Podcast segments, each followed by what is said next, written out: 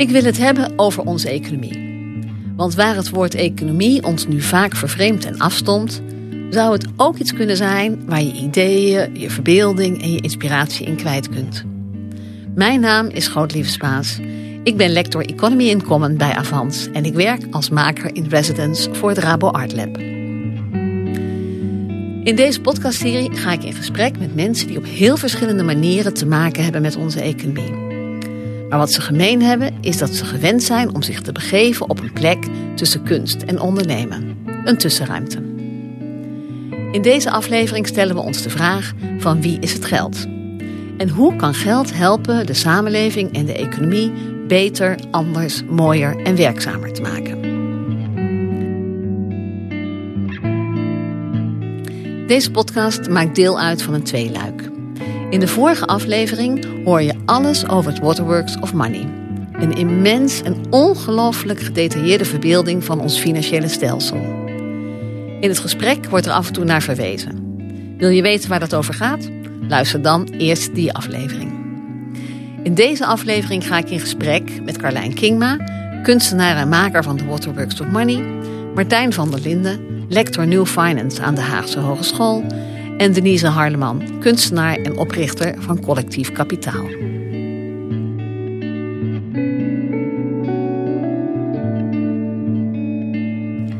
In de hele serie De Tussenruimte kijken we naar een economie die anders moet.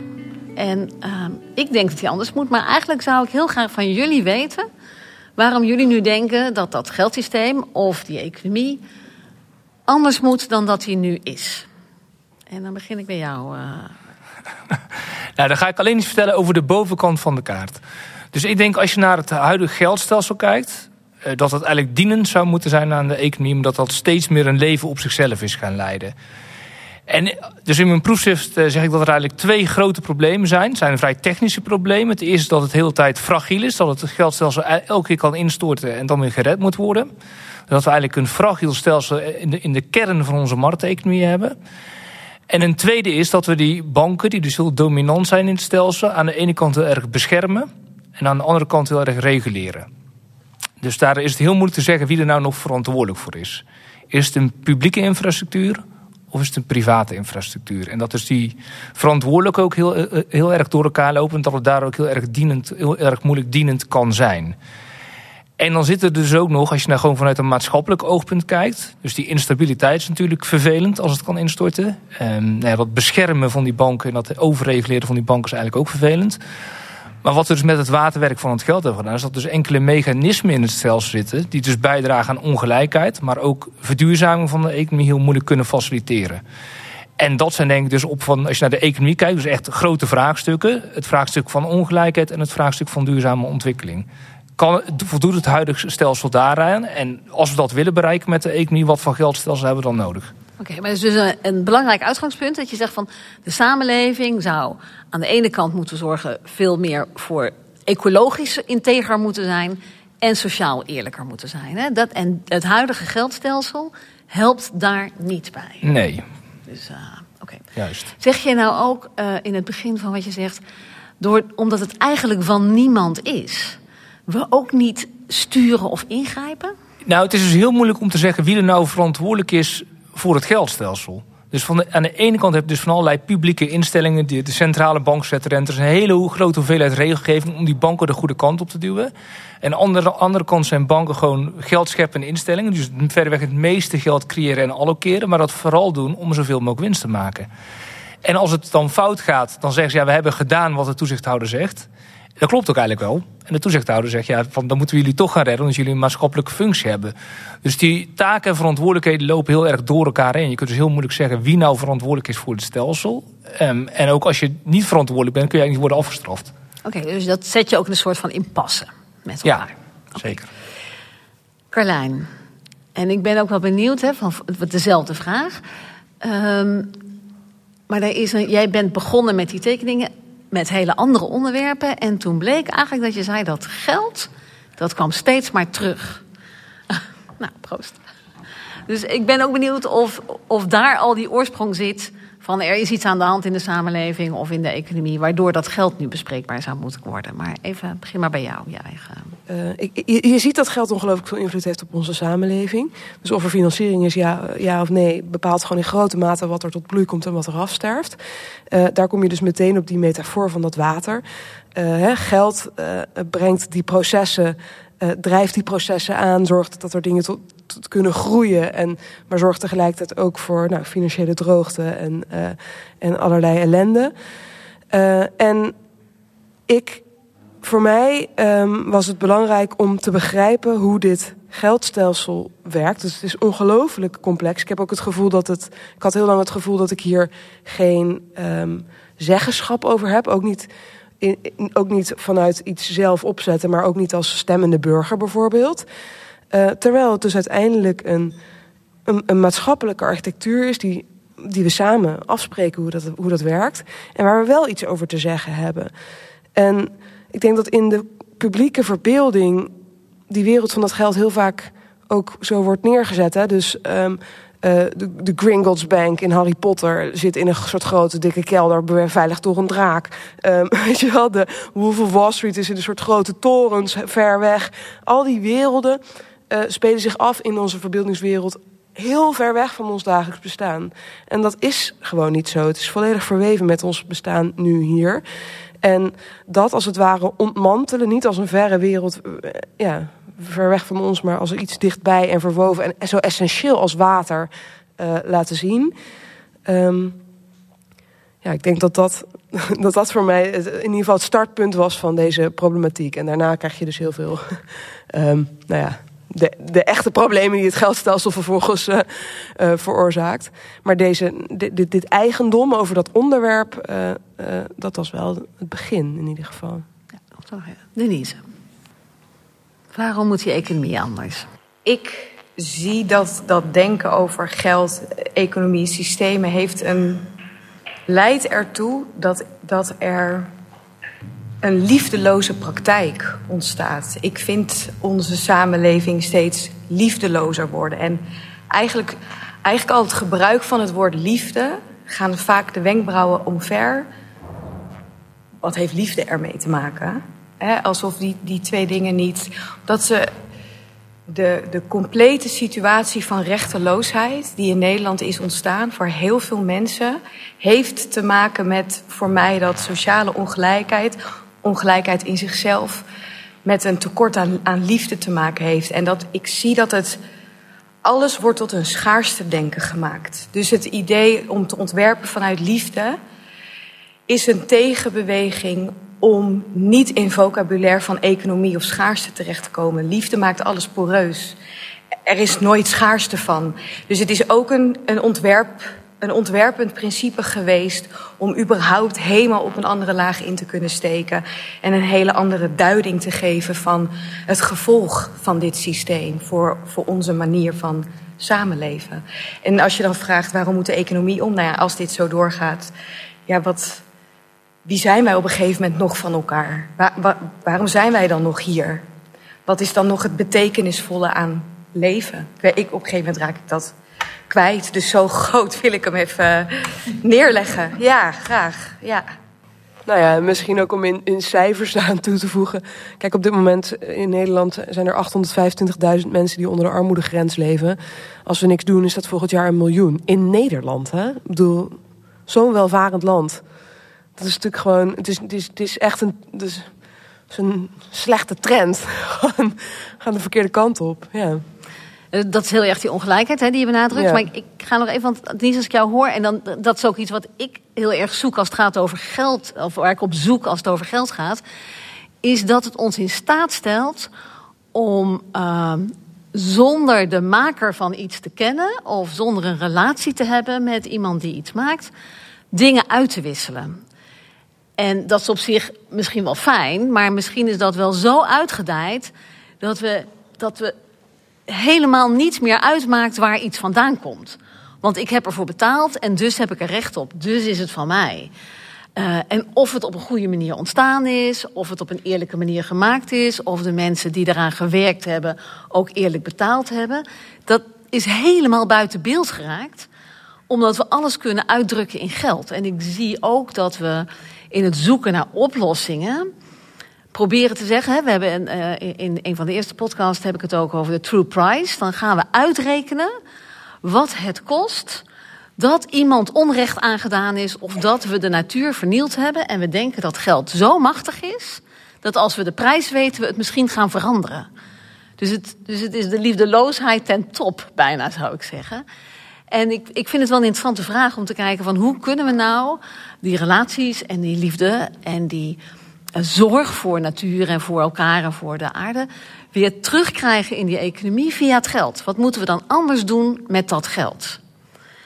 Um, ik ga het rondje gewoon even omgekeerd nog een keertje doen. En zeggen van wat, dus waar is geld een hefboom om die samenleving um, te helen? Is misschien wel het woord wat ik uh, zou willen gebruiken. Zo, dat vind ik wel echt een complexe vraag. Hoor. Ja, ik weet het. Maar ik zoek naar kleine hefbomen. Hè? Niet Ja, te ja. het antwoord, want dat hebben we niet. Laten we die pretentie niet hebben hier aan tafel. Maar nou ja, het doet een heel concrete activiteit daarin. Ja, maar dat denkt iedereen. Hè? Maar eh, geld is binnen collectief kapitaal net zo goed een ontwerpend principe. Het is een decor. Het is niet een filantropisch, eh, een filantropische beweging. Doet bij, sociaal Ja. kapitaal. Ehm, Als ik dit goed zou kunnen doen, dan zou ik zo blij zijn. Ehm, kijk, er zijn heel veel verschillende verhalen die wij met elkaar kunnen vertellen over hoe je tot verandering kan komen. En, en, en, en veel ideeën die er zijn over verandering, die beginnen bij systeemdenken, politiek denken. En dat is ontzettend noodzakelijk. Maar wij zijn ook iets met elkaar. Wij zijn een gemeenschap, wij zijn een, een verbond van mensen. Eh, en en al die verschillende systemen staan continu met elkaar in contact. En ik geloof dat als we werkelijke verandering willen, dat wij ook moeten onderzoeken waar wij in beweging kunnen komen. Waar wij onderdeel zijn van dat veranderingsverhaal. En daarom ben ik gaan onderzoeken als je gemeenschappen van mensen bij elkaar brengt en in die echte interactie onderzoek je wat is de betekenis van solidariteit tussen mensen. Waarom vinden we het eigenlijk zo ontzettend ingewikkeld om ons eigen privilege onder ogen te kijken? Dan zie je dat het idee dat je kan helpen of dat je kan, geld kan gaan herverdelen, daar zitten eigenlijk al allerlei aannames in die het ontzettend interessant maken om met geld als werkend principe groepen samen te brengen om alles wat op dat moment actief wordt aan ongelijkheid en aan allerlei constructen, het in dat moment van samenkomen te bespreken. En daarmee ook te onderzoeken hoe, hoe kan ik, hoe kunnen we hierop doorbouwen? Hoe kunnen we alles wat we hebben aangenomen als waar gaan verruimen en vanuit die alternatieve gedachten nieuwe dingen verbeelden. En dat is wat wij proberen te doen. Dus ja, het is ook zo dat wij uh, schenkingen doen, maar dat zijn acties die een alternatief verbeelden. En aan de verbeelding van dat alternatief zijn hele ingewikkelde en confronterende gesprekken vooraf gegaan, die helemaal niet gaan meer over oh, we doen iets goeds, want we zijn aan het helpen. Dat is juist wat je helemaal tot, tot in de grond aan het doorakkeren bent. Waarom dat wel een problematische gedachte is. Geef eens een voorbeeld. Ja, van zo'n gesprek of van iets wat zich daar voordoet. Dan kunnen we het een beetje. Nou, laat ik beginnen. Het feit dat een bepaalde mensen kapitaal hebben om in collectief kapitaal te delen, dat, dat, dat, dat start met het hebben van privilege van een overvloed van kapitaal. Dan begin je direct een gesprek over wie heeft daar, heb je daar recht op? Waarom wel, waarom niet? Welke ideeën heb je daarover? Hoe ben jij daarmee zelf onderdeel van een systeem van ongelijkheid? En voordat iedereen denkt dat we alleen aan sensitivity training doen. Uh, dit is precies waarom je ook die actie daaraan koppelt. Om te laten zien, als je het gaat uitvoeren, waar wordt het ook in de systemische wereld heel complex. Dit jaar nog hebben we een ontzettend groot juridisch gevecht met de Belastingdienst aan moet gaan. Je ziet welke moties er vanuit de politiek ingediend worden op het moment dat je met dit soort bewegingen bezig bent. Dus je bent zowel op gemeenschapsniveau aan het kijken, als dat je vanuit verbeelding hele reële consequenties in de wereld tot stand wil brengen en onderzoekt wat is de weerstand in deze wereld die vervolgens ook op je pad komt. En al die lagen proberen we te verbinden. Ik probeer het me even heel praktisch voor te stellen. Ik bedoel, uh, stel dat ik ga investeren bij jullie in sociaal uh, kapitaal. Dan gaan jullie dat geld herverdelen en zeggen van of hè, en, en een aantal mensen een bedrag per maand geven om daarvan te leven. Um, wat je niet toelaat door je manier van onderzoek doen, is dat ik dat gewoon geef en vervolgens mezelf niet in vraag hoef te stellen. Dus ik moet me afvragen: hoe komt het dat ik dat wel heb? En hoeveel heb ik eigenlijk te veel? Uh, of hoeveel ga ik te weinig hebben om dit toch te kunnen doen omdat ik het belangrijk vind? Uh, wat vind ik ervan dat, ik, dat dat geld van mij naar iemand anders gaat? Heb ik dan iets te zeggen over wat die ander daarmee doet? Waarschijnlijk niet, maar dat kan ik wel over twijfelen of zo voelen. Het zijn dus al dat soort hele concrete uh, ladingen die wij hebben op, of, of ideeën en betekenissen die wij hebben bij geld. Maar niet alleen bij geld. Dus de vraag is continu: wat heb ik te delen? En daar kan iedereen een eigen antwoord op geven. En geld is daar wel in dit, in deze, in dit systeem is het daar nog een onderdeel van. En, en omdat het zo'n onderdeel ervan is, kan je het er ook over hebben. Uh, en ook over alle moeilijkheden eromheen. Ja. Ik, ik, denk dat in jullie uh, uh, middelste scenario, ik vergeet steeds hoe het heet, waar al die verschillende geldmunteenheden zijn per communities, je ook dit soort gesprekken zou hebben. Of, of is dat iets wat jullie je niet zo voorstellen daar? Nou, ik denk dat in de, deze twee scenario's, dat de Republiek van Duizend Munten, dat is gebaseerd op die van free banking, dus dat je verschillende concurrerende munten hebt, maar ook die agoren van democratisch geld. Dat je daar veel kleinere communities hebt. Dus ook veel eerder het gesprek hebt binnen een community. Vinden wij dit rechtvaardig? En dat is natuurlijk één van de dingen met het huidige geldstelsel. Dat we al heel moeilijk weten hoeveel geld er is, hoeveel vermogen er is, waar het zit. En dat is ook heel moeilijk dat gesprek kunnen aangaan. Is het nog wel rechtvaardig? En daardoor gebeurt niet. Dus door het kleiner maken denk ik dat je zeker sneller dat gesprek krijgt. En daarmee wordt het persoonlijker en daarmee zie je dus ook wat die ander minder heeft dan jij. Uh, en je, het is geen abstractie meer. Nee, het is geen abstractie meer. En ik denk dus van in het huidige stelsel dat je van die hele grote financiële instellingen die op een paar plekken in de wereld zitten, die eigenlijk heel, uh, het, het, wegtrekken op andere plekken, ja, daardoor kun je ook zo goed verschuilen. Als dat hier in de bos zou zijn, dan zouden mensen op een gegeven moment erheen gaan en zeggen: dit vinden wij onrechtvaardig of niet acceptabel. Uh, maar dat is de complexiteit van het huidige stelsel, waar alles aan elkaar is gekoppeld en internationaal is gemaakt, waardoor het dus heel ondoorzichtig is voor de meeste mensen. Zou je nou kunnen zeggen, uh, en ik moet nu meteen denken aan Olga die dat heel vaak zegt, uh, van die hele economie en dat geld daarin, die maakt dat we eigenlijk het alleen nog maar hebben over abstracties en abstracties van abstracties en abstracties. Dus dat het kwijtraakt waar het nou echt over gaat. En omdat we er geen zicht meer op hebben, omdat we ja, ons kunnen verliezen in eigenlijk een soort. Nou ja, die grote tekening van jullie eigenlijk, hè, waar boven al dat geld uh, stroomt en het niet beneden komt. Maar omdat je het niet kan zien en niet weet wie er zijn, er ook niks meer van kunt vinden of niks meer bij voelen. Ja, absoluut. Ik denk dat dat voor ons het doel is geweest. Dus we zagen zelfs in gesprekken met financiële spelers eigenlijk dat, uh, dat ook zij, niet door abstracties, maar door de complexiteit, door gewoon hele lange ketens eigenlijk, uh, uit het oog verliezen wat er nou precies gebeurt. Dus op het moment dat je bij APG zit te praten, um, uh, kan het ook zo zijn dat zij een verhaal vertellen van, nou, uh, wij, um, komt hier pensioengeld, wij, wij beleggen dat pensioengeld en dat wordt, wordt dubbel dividend, wordt geïnvesteerd in de samenleving voor 40 jaar lang en na 40 jaar krijg je het terug en dan hebben wij daar mooi wat extra's van gemaakt. Uh, geen gezeik, iedereen rijk. Terwijl als je dus gaat kijken naar die uitsplitsing van die potten, dan zie je dat gewoon eigenlijk een steeds groter gedeelte in die zoektocht naar rendement, die ook weer natuurlijk, zij kunnen dat natuurlijk ook weer doorspelen naar dat, dat, moeten, dat rendement moeten we halen van de DNB. Uh, maar in, um, je ziet eigenlijk dat, dat je uit het oog verliest, dat zij ook uit het oog verliezen, dat maar 8% of, of 10% daadwerkelijk direct wordt geïnvesteerd in de reële economie. En een steeds grotere pot geïnvesteerd wordt in allerlei zaken die gewoon helemaal niet maatschappelijk wenselijk zijn.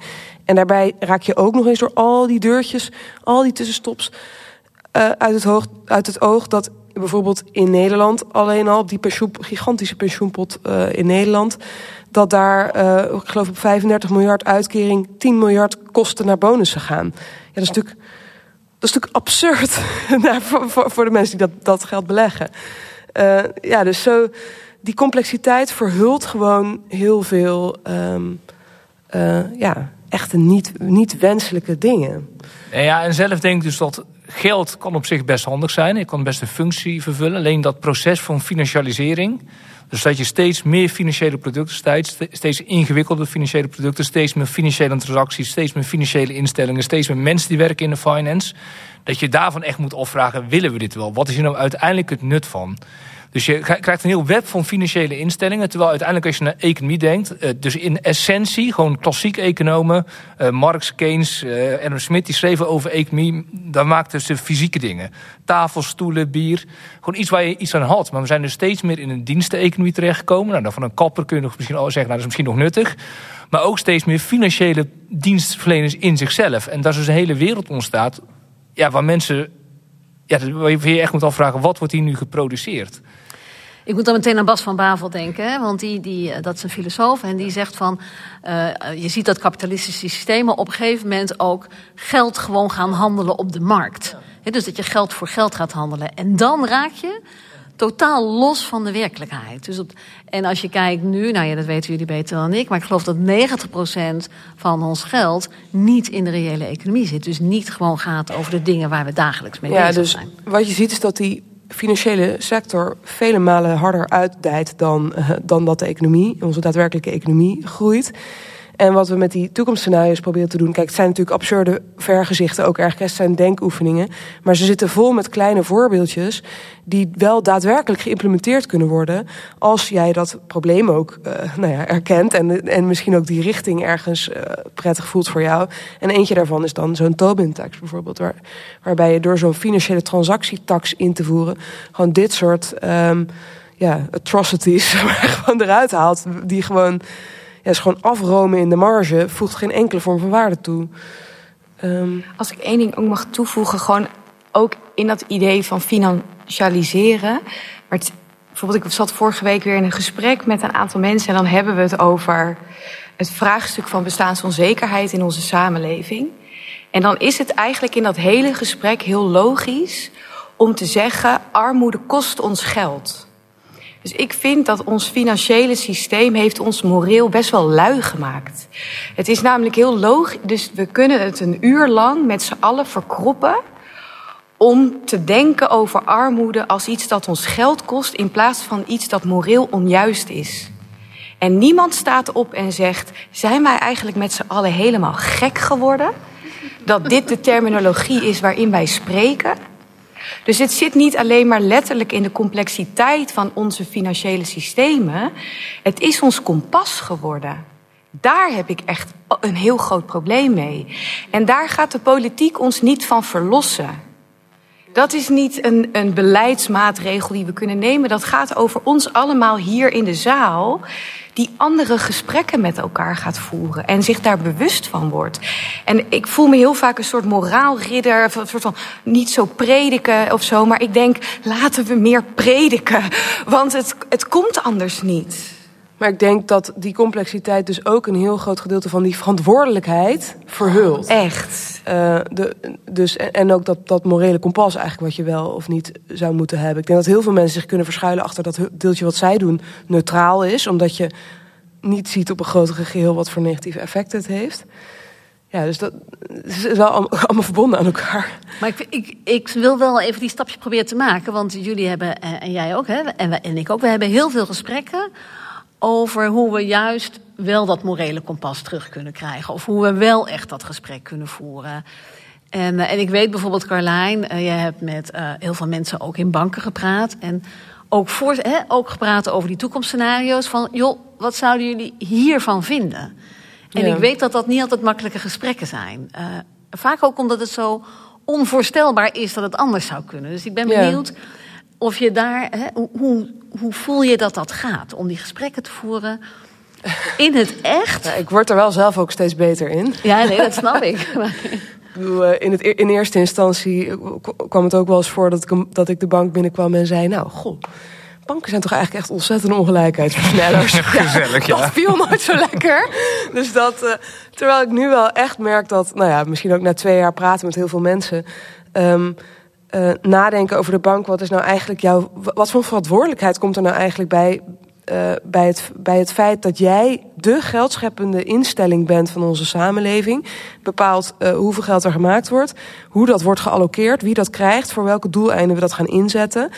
En dan merk je dat, nou, er zitten allemaal lagen in dat gesprek. Hè, dus als, je daar, als je daar al met elkaar over praat, dan, dan, dan, dan word je dus heel vaak ook op een, vind ik, een beetje een sidetrack gezet. Van ja, maar daar zijn we ontzettend veel mee bezig met de bank. Want we zijn, kijk, al deze duurzame projecten zijn we in aan het investeren. En dan kijk je daarnaar en denk je, ja, dat is inderdaad zijn duurzame projecten waar ze in aan het investeren zijn. Maar ja, als het legaal is en geld oplevert, ja, natuurlijk investeren ze erin. Weet je wel? Dat, is ook, dat zouden ze ook doen als dat niet. Uh, dus de vraag is ook, ook vooral, waar investeer je? Kan je ook keuzes maken dat je ergens niet in investeert? En dat is natuurlijk al een veel moeilijker gesprek. En dan kom je, stuit je dus heel vaak op dit soort doorschuif van verantwoordelijkheden, drogredenen. Dus dat je kan zeggen, of nou, drogreden, doorschuif van verantwoordelijkheid uh, uit uh, uh, scenario's, waarin zo'n bank dan zegt, ja. Luister, weet ik veel, die boeren of dit, dit die dieselwagenpark wat deze ondernemer wil starten, is gewoon nog legaal en is financieel rendabel. Zijn wij dan de politie? Moeten wij dan de politieagent zijn? En als hij het niet doet, doet de ABN het dus ook. Maar daar ben ik benieuwd naar. Wat vind je? Want je hebt er nu zo rondgelopen. Als jij het mocht zeggen. Nou ja, vind ik, je dan dat vind... die bank daar verantwoordelijk... Of die nou ja, dat hangt er vanaf. Kijk, ik, ik snap dat je dat zegt. Want je bent een commerciële partij met... Nou ja, Rabank dan niet met aandeelhouders, maar certificaathouders... maar met een winstoogmerk. Je bent een, pri je bent een privaat bedrijf. Maar wat voor mij ingewikkeld wordt, is de discrepantie van het verhaal wat je uitdraagt. Growing a better world together. En we sponsoren dit en dat en dat. En alles op de nieuwe economie. En, en dat je dan toch ook dat oude, zeg maar, dan moet je dat niet zeggen. En als je ook zegt, we willen er heel graag wat aan doen, maar we kunnen dat niet doen door dat, nou ja, bijvoorbeeld de markt. Uh, uh, dan is volgens mij de volgende vraag: waar ligt je verantwoordelijkheid dan? Moet je dan in gesprek met de NVB misschien, hè? Nederlandse Vereniging van Banken? Moet je uh, rapporten schrijven voor Nederlandse uh, politici of uh, Europese politici, waarin je schrijft van, nou, dit is wat we wel kunnen doen. Hè, zover kunnen we wel gaan. maar dit stukje, wat ook die financiering die eigenlijk niet goed is, we kunnen dat op dit moment niet afbouwen, want dan verliezen we een te groot marktaandeel. Dus als jullie willen dat we dat afbouwen, dan moeten jullie dat van nu tot, weet ik veel, 2035 langzaam in de wet gaan vastleggen dat dat steeds duurder wordt, bijvoorbeeld. Dus, dan, dus de vraag is ook continu, waar stopt je van, als je dit echt vindt, waar stopt dan jouw verantwoordelijkheid?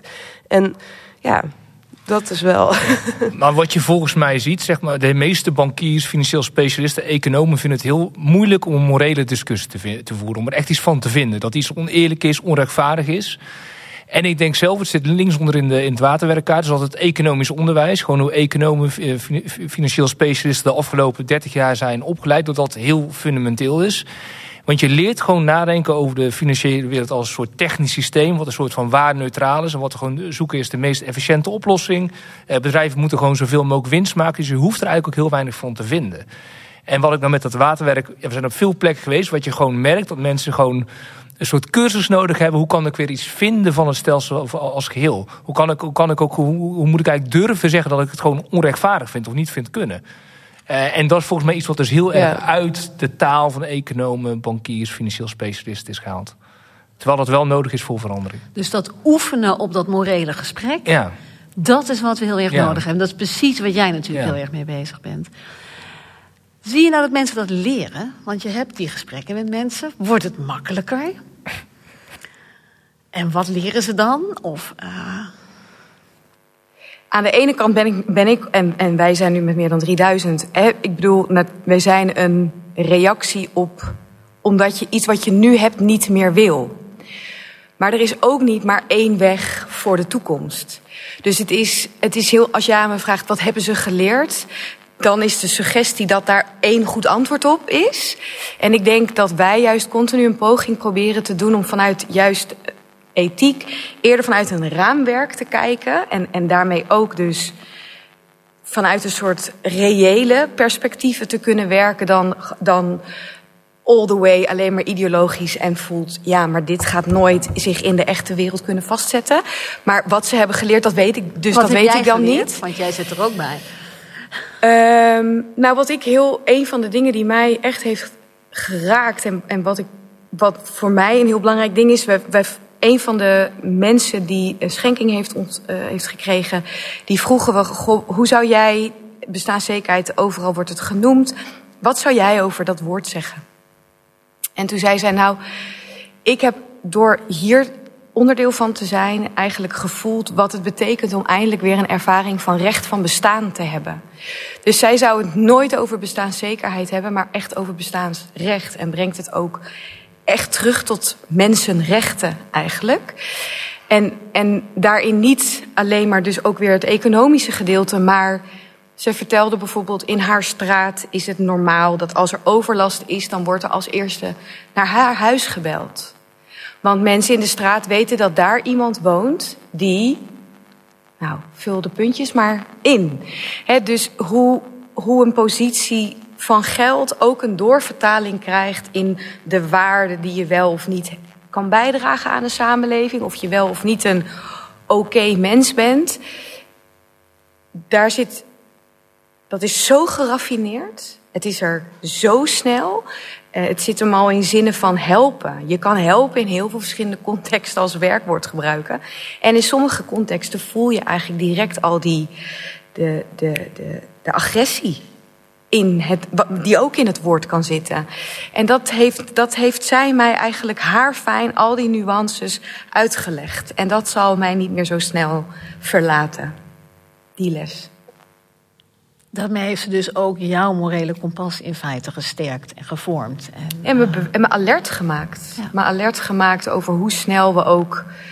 Stel, een, een, gesprek is te abstract dat het eigenlijk normaal is als een MBO'er hier zou zitten, die zou dit niet kunnen volgen. En dat is norm, het zijn normale vergelijkingen geworden. Het is normaal om op bepaalde manieren over grotere groepen mensen op een manier te spreken. En die finesses van taal als sociale praktijk, gekoppeld aan deze thematieken, daar heb ik heel veel over geleerd. Ja. Ik moet nu denken, ik heb uh, uh, helemaal buiten jullie om jaren, heel lang geleden, 15 jaar geleden, zelf een experiment gedaan door geld te geven aan iemand een jaar lang om te kijken hoe ze uh, bestaanszekerheid, noemde ik dat toen, op te bouwen. En um, wat ik zelf heel erg voelde, is dat ik de zeggenschap over wat zij met dat geld deed, echt, ik moest echt werken om dat los te laten. Dus, maar de, en, en dat is, bedoel, dat zegt iets over mij, maar het zegt ook iets over het feit dat het hebben van geld, dat, dat jij ook mag bepalen wat je daar dan mee doet. Ik heb daar vaak met studenten ook over. Ja, ze dan, hè, die, die dromen er allemaal van om rijk te worden. En die vinden ook als zij al dat geld hebben, zouden hebben verdiend, want dat gaat natuurlijk maar een fractie van de studenten lukken in de werkelijkheid. Uh, maar als zij dat verdiend hebben, dat dat ook allemaal van hen is. En dat zij helemaal zelf mogen weten wat ze daarmee doen. En dat zit zo in ons denken. Dat, dat geldt ook, denk ik, voor de bank. Zij hebben dat geld verdiend. Dus zij mogen bedenken wat ze daarmee doen. En dat, dat past dan ook binnen. Dat blijft dan ook in die onderneming. Dat gaan ze niet geven uh, aan een fonds voor, nou ja, noem maar wat. En ik ben wel benieuwd hoe, wat jullie ook zelf ervaren hebben hè, in, het, in het ontwikkelen van. Hoe is jouw kompas veranderd, Carlijn? Ben je. Uh, nou, ik wil, eigenlijk doorgaan op die bank en dat geld. Dat voor mij, ja, dat is ook goed dan. nee, want, ik, want daar zie je dus een heel interessant uh, voorbeeld recent. Uh, dus ook de Rabobank, waar ik net, natuurlijk continu naar refereer, want dan loop ik de hele tijd rond. Maar de, bank, af, de banken hebben afgelopen half jaar, dus het eerste semester van dit jaar, gigantische winsten gemaakt. die grotendeels. Um, nou ja, onverdiend zou je kunnen zeggen. Of eigenlijk een beetje een cadeautje zijn geweest. Ze, ze hadden veel uh, uh, geld bij de centrale banken staan. De rente ging omhoog. Dus dat was een veilige asset. Daar kregen ze um, rent, dus rente op. En zo was het 8 miljard of iets dergelijks. Hebben de Nederlandse banken verdiend. En dat was om en nabij 90% van de toename van de winst van vorig semester. En dan zou je in het geval van de Rabobank, nou, van wie is dat geld? Dus van wie is dat geld? Rabobank is een coöperatie. Daar is dat natuurlijk, een, daar is dat natuurlijk bij uitstek een hele interessante vraag. Van wie, van wie is dat geld wat we daar hebben verdiend?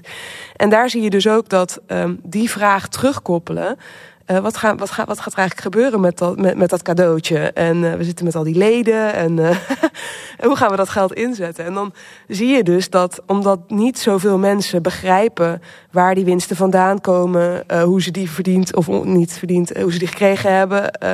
Um, dat dat gesprek toch nog niet echt wordt gevoerd met die leden die eigenlijk de zeggenschap daar dus denk ik ook gedeeltelijk over zouden moeten hebben. En dat ze dat niet doen, kan eigenlijk alleen maar doordat het dus zo ingewikkeld is. Als, we, als volgens mij iedereen zou begrijpen hoe dit precies is gegaan. Dus dat er een soort toeval is dat ze nu zoveel geld hebben, zou je bijna ja, kunnen cadeautje, zeggen? Ja, Dan zouden volgens mij al die leden met elkaar gaan zeggen... nou, um, wat vinden we belangrijk? Welk feest gaan we bouwen? Ja, wat gaan we, uh, uh, welke leningen gaan we misschien... Uh, kunnen we doordat die buffer er is of zo... Um, ja, welke risico's kunnen we nemen? Risicovolle leningen kunnen er misschien wel uh, verstrekt worden doordat er een buffer is aan de andere kant of iets dergelijks. Welke extra verliezen zouden mogen kunnen nemen? Weet ik veel. Je kan van ja, alles je zou bedenken. kunnen zeggen, hoe kunnen we oefenen met, lezen, uh, met, met uh, leningen om maar in de boerenwereld te blijven, om kleinere bedrijven te hebben? Want daar weten we nu bijvoorbeeld niet zo goed hè, om, hoe dat werkt. Dus als je geld over hebt, kun je oefenen om te kijken of je daar een Ja, model voor van- kunt ontwikkelen of zoiets. Je kan er van alles mee doen. Ja. Eh, eigenlijk is het nog niet eens interessant wat je ermee kan doen. Maar het gaat er ook om wie, hoe beslis je, wie beslist er dan in dat geval? Nou ja, van wie is dan Ja. dat geld? En dat is, dat is wel interessant. Ja, nee, Ah, nee, nee, ja, wil ik, heb, eh, we hebben vorige maand hebben we een dialoogsessie georganiseerd met de Raadbank samen. Over het geldstelsel en ongelijkheid. Met 50 mensen uit de financiële sector, academische wereld, NGO-wereld. En ik heb ze vorige week geanalyseerd, ook met de Raadbank. En eh, eigenlijk in al die tafel- tafels kwam merite terug. Dus in een markteconomie denk ik wel erg dat degene die geld verdient, is omdat er een merite is. Dat ik gewoon een goed product heb gedacht, kan een financieel product zijn of een goed vaasje voor een hoge prijs verkocht, maar dat is je verdienste. En daarom mag je het ook houden. En eigenlijk aan al die tafels toch wel de consensus dat je daar dus eigenlijk van af moet stappen. Dat heel vaak toeval is, geluk. Gewoon je positie waar je als op. Maar dat willen we dus eigenlijk, heel, eigenlijk niet zo goed aan, omdat dat de basis is om de fundament van ons systeem. Dat als jij het geld er verdient, dat het toch wel kwam omdat jij zelf zo'n zinvolle prestatie hebt geleverd. En dat is dus heel moeilijk om hiervan af te stappen, omdat dat zo cruciaal is in de markteconomie, dat we dit geloof hebben. Dat het niet toevallig de juiste bank op de juiste plek was die winst heeft gemaakt, maar dat het echt kwam omdat iedereen hard gewerkt. Dat willen mensen natuurlijk heel graag geloven. En daar zal wel toch iets moeten gebeuren, wil je veranderen. Ja.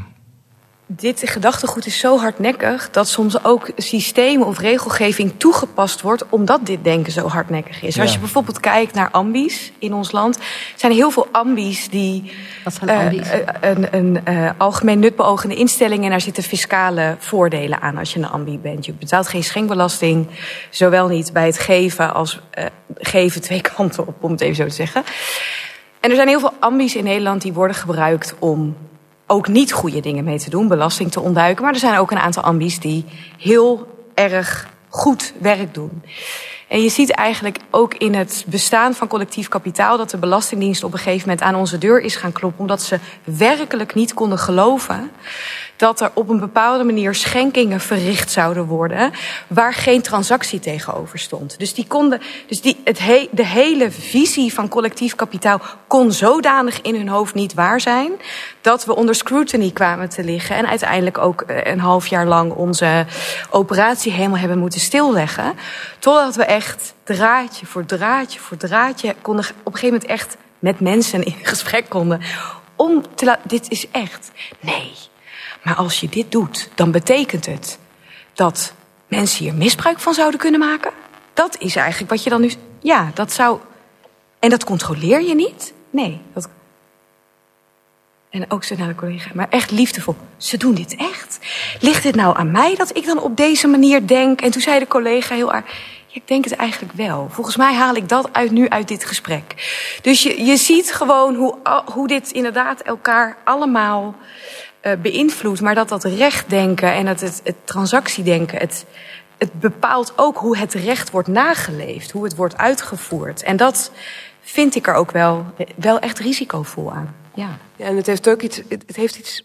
Het maakt de ontvanger ook heel klein. Heel klein. Want dit is dus zelfs met nou ja, fondsen van culturele instellingen bijvoorbeeld. Hoe gewoon hoe. De, de, het format waar je aan moet voldoen. Dus, en en, en de, de, de onderwerpen die je moet aanvinken. En de, de, het is zeg maar. Ja. Kom op, ik, dat kan ik toch wel. Ik kan toch zelf bedenken hoe dat geld het best besteed zou moeten worden. Dat is, het is heel erg. Ik zoek het kleinerend op een bepaalde manier eigenlijk ook. Natuurlijk, het is ook natuurlijk je hebt het ook nodig. Dus je wil ook heel dankbaar zijn aan de ene kant. En aan de andere kant is het gewoon, zou je denken, nou... Maar het is wel een hele wel iets meer vertrouwen hebben eigenlijk in die makers bijvoorbeeld. Ja, want het is een hele interessante tegenstelling. Aan de ene kant, hè, dus als ik gewoon ondernemer ben en ik verdien heel veel geld, stelt niemand aan mij een eis wat ik daarmee doe of hoe ik daarmee omga. Ja. En als je een aanvraag doet om als kunstenaar of eh, eh, als mens eh, vanuit een uitkering, dan, moet, dan wordt er van alles aan je opgelegd. Ja. Wat je daarmee mag doen, hoe je het mag besteden, hoe je zeker weet dat er geen fraude is. Eh, terwijl je dat, datzelfde eigenlijk zou kunnen doen bij mensen die gewoon heel veel geld hebben. En je afvragen van hoe gaan die daar eigenlijk frauduleus mee om of niet? En hebben ze daar eigenlijk recht op? En, eh, Ja, het is natuurlijk te begrijpen, want zij moet het ook weer verantwoorden. Maar het is alsnog wel Ja. eh, vrij jammer. Nou, wat dat betreft is het wel lekker. eh, Die Rabobank-residentie legt wel weinig regels op.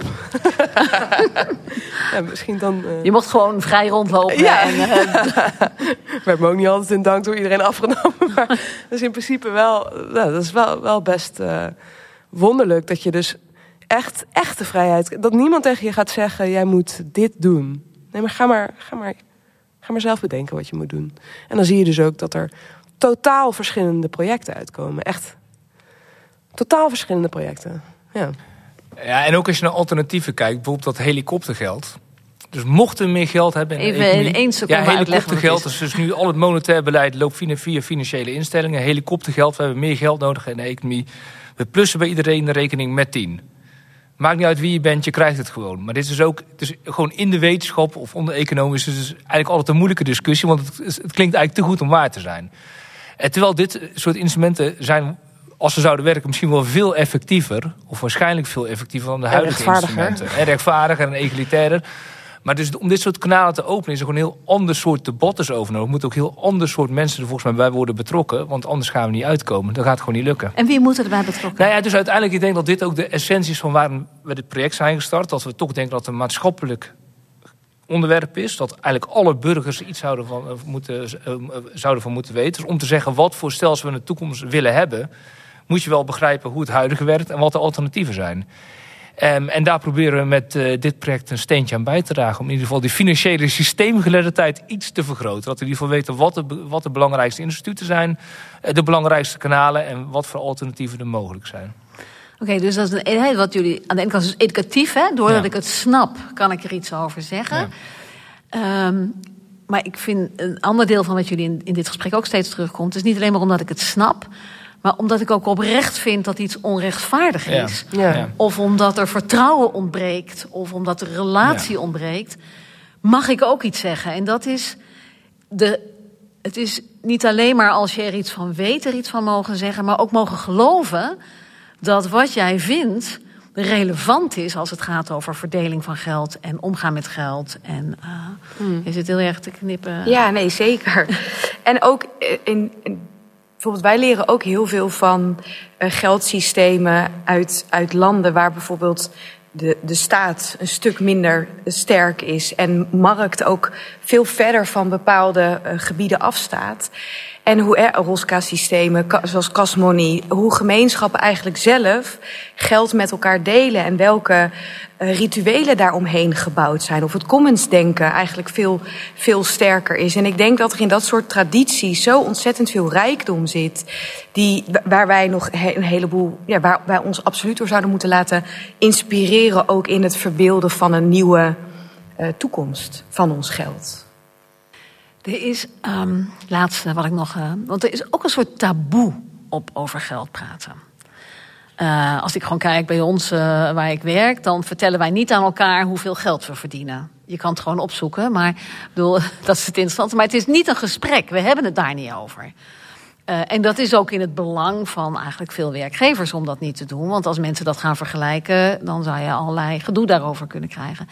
Dus geld is niet een onderwerp waar we ons vrij in voelen om, om het over te hebben. M- Mijn gevoel is eerlijk gezegd dat dat heel erg aan het veranderen is. Oké, vertel. Nou ja, ik heb het gevoel dat juist in mijn generatie... Misschien ook omdat het, dat, dat veel mensen zich een gedu- gedu- gedupeerde generatie voelen. dat je juist heel hard zegt van... eh, nou, eh, wat, eh, wat, wat verdien jij? Ook tussen, ook tussen, tussen mannen en vrouwen. Hè? Dus checken bij je mannelijke collega's... of jij wel evenveel verdient als, als hij. En ehm, nou ja, je ziet toch ook bijvoorbeeld afgelopen week bij NRC. Uh, dat gewoon mensen in opstand komen, vooral freelancers. Uh, uh, we verdienen te weinig. volgens mij, ja, ik denk dat het ook te maken heeft met dat gewoon bestaanszekerheid enorm onder druk staat en armoede toeneemt. En mensen gewoon echt, ik geloof dat tussen de, de mensen tussen 30 en 60 procent van de mensen tussen 30 en 40 niet meer dan 3000 euro op hun rekening heeft staan op dit moment. En dan heb je dus gewoon geen buffer eigenlijk. Als er één keer, weet ik veel, uh, per ongeluk dubbele huur wordt afgeschreven, dan ben je al de sjaak eigenlijk. Dus uh, ja, ik heb wel het gevoel dat het juist, juist heel erg veel komt. Wat, wat ik alleen jammer vind, is dat gesprekken over geld zich eigenlijk beperken tot kasboekjes van huishoudens en niet, tot, en, niet zich ook verder strekken tot wat vind ik eigenlijk van dat geldstelsel. Want daar heb je ook wat van te vinden. En op het moment dat we het daarover gaan hebben, beperkt het gesprek zich weer heel vaak tussen, tot uh, ja, meer vermogensbelasting, minder, uh, uh, minder belasting op arbeid. Ja, dat is, dat is belangrijk. Maar dat is een klein hoekje in dat geldstelsel. En een klein beetje dweilen met de kraan open als je ook die andere dingen niet oplost. Dus daar zou voor mij eerder het gesprek over geld. ja. Um, afsluitend ga ik jullie alle drie vragen welk advies jullie mee willen geven aan de luisteraar en de mensen hier in de zaal. Wat zij morgen kunnen doen ja. om een stap, uh, uh, om, om iets te nutchen of een stukje de goede kant uit te duwen om uh, dat geld toch een andere plek te geven. Nou, ik denk dat uh, het ook belangrijk is dat niet financieel geschoolde mensen iets vinden van het geldstelsel. Um, en de afgelopen tien jaar in Nederland Joris Luijendijk, um, George van Houts maken. Nou, Carlijn, daar heb ik mee, mee samengewerkt. Ik denk dat juist dat soort mensen, door fris gewoon naar dat geldstelsel te kijken, of ook naar de economie te kijken, wat de verhouding tussen die twee zou moeten zijn, een hele zinvolle of hele interessante bijdrage hebben geleverd. Dus ik kan moeilijk zeggen wat mensen zouden doen, maar mensen kunnen iets. En juist vanuit die andere specialisme kijken naar deze thematiek. En dat dat heel veel kan toevoegen. Dat het ook echt nieuwe inzichten kan geven. En dat je daardoor juist eh, ook de wereld een stukje verder kan brengen. Dus ook jezelf serieus nemen daarin. Ja, nee, zeker. Dus je filosoof bent of uh, socioloog of nou ja, loodgieter misschien zelfs. Je kunt zeg maar, hier ook een bijdrage aan, uh, aan leveren. Oké. Okay. Ja.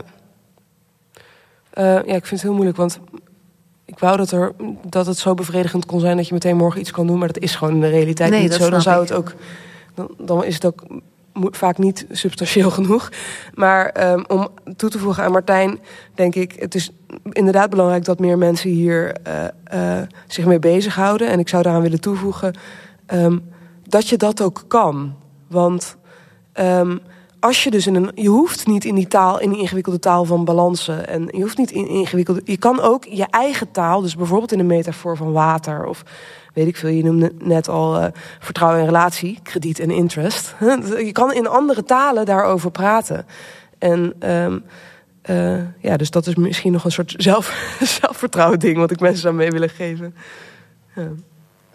Um, jeetje, ja, ik herken dus een beetje inderdaad, de, ik voel de angst, alles wat ik nu zeg voelt ook een beetje stupide in de, het aankijken van de complexiteit van, van dit vraagstuk. Maar op kleine schaal vaker een gesprek over waarde voeren, denk ik, op heel veel verschillende niveaus. Dus ook eh, zoveel bedragen die we uitgeven. Wat is de waarde van de dingen die je koopt? Maar ook eh, welke instincten, welke, welke denkbeelden zitten continu achter al die dingen die jij met geld doet? Ik denk dat als je daar een bepaalde uh, gesprek met jezelf vaker over voert, dat je ook een beter begrip krijgt van hoe die individuele gedachtegangen verband houden tot, tot structuren in de samenleving. En ik denk dat het inzicht daarover in ieder geval een humuslaag geeft om verandering mogelijk te maken. Maar kunnen mensen zich niet ook gewoon morgen bij jullie aansluiten? Ja, ik vind het zo dom om dat te zeggen. Nee, dat zou ik wel Dat zou ik wel zeggen als ik jou Sluit je aan bij collectief kapitaal. heel goed, heel goed. morgen. Ja, zeker. Ja, dankjewel. En, en, en kijk vaker naar het waterwerk van het geld. Want daar zit oh, er ja. nog veel meer in. Nee, maar het is, hè, laat je ook informeren door niet alleen maar financiële experts. Want je zegt, je kunt zelf meepraten. Maar er Ja. zijn heel veel mensen die iets zeggen over geld. In een taal. En de ene taal spreekt je meer aan dan de andere. Zeker. Maar zoek dat ook op. Ik bedoel, eh, eh, daar is plek, daar is ruimte voor. Ehm, en wat ik zelf ook wel uh, heel erg van is. Kijk, zo'n systeem is enorm groot en, en maakt het meteen complex en, en maakt je daardoor ook klein. Um, en het interessante is dus als je in een systeem twee spelers bij elkaar brengt en met elkaar in gesprek brengt vanuit hun eigen positie in dat systeem, er al iets anders gebeurt dan dat je daarnaar blijft kijken en alleen maar jezelf in dat systeem voelt. En dat is natuurlijk wat jij ook doet. Je zegt, ja, je hebt die mensen die wel geld hebben, mensen die niet geld hebben. Dat zijn al twee spelers. En die krijgen daardoor een andere, andere ruimte om iets te veranderen dan dat je in je eentje daarnaar blijft kijken. En dat geldt natuurlijk ook precies hetzelfde bij jullie. Op het moment dat je als kunstenaar met een bankier in gesprek gaat, gebeurt er iets anders. Ik heb dat ook gezien in gesprekken die uh, jij gevoerd hebt met bankiers. En de vragen die je stelt, dat ze even stil zijn en denken: uh, die vraag heb ik nog nooit gehoord. Um, en ik denk eigenlijk dat het niet kan en dat het onzin is. En als we dan doorpraten, er toch een soort van opening kwam. Dus het is, het is juist ook dat gesprek met degene die je niet begrijpt of die ergens anders in dat stelsel zit waarvan je denkt dat klopt niet, dat daar ruimte en, en beweging uh, Mag ik jullie bedanken voor dit gesprek. Uh, Martijn, Carlijn, Denise. En, uh, Graag gedaan. Fijn dat jullie er waren.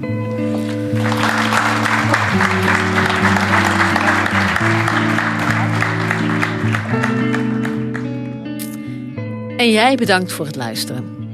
Heb je deel 1 van deze podcast nog niet geluisterd? Doe dat dan zeker nog even. Carlijn, Martijn en Thomas Bolle vertellen dan meer over de Waterworks of Money. Abonneer je om op de hoogte te blijven van nieuwe afleveringen. En graag tot ziens.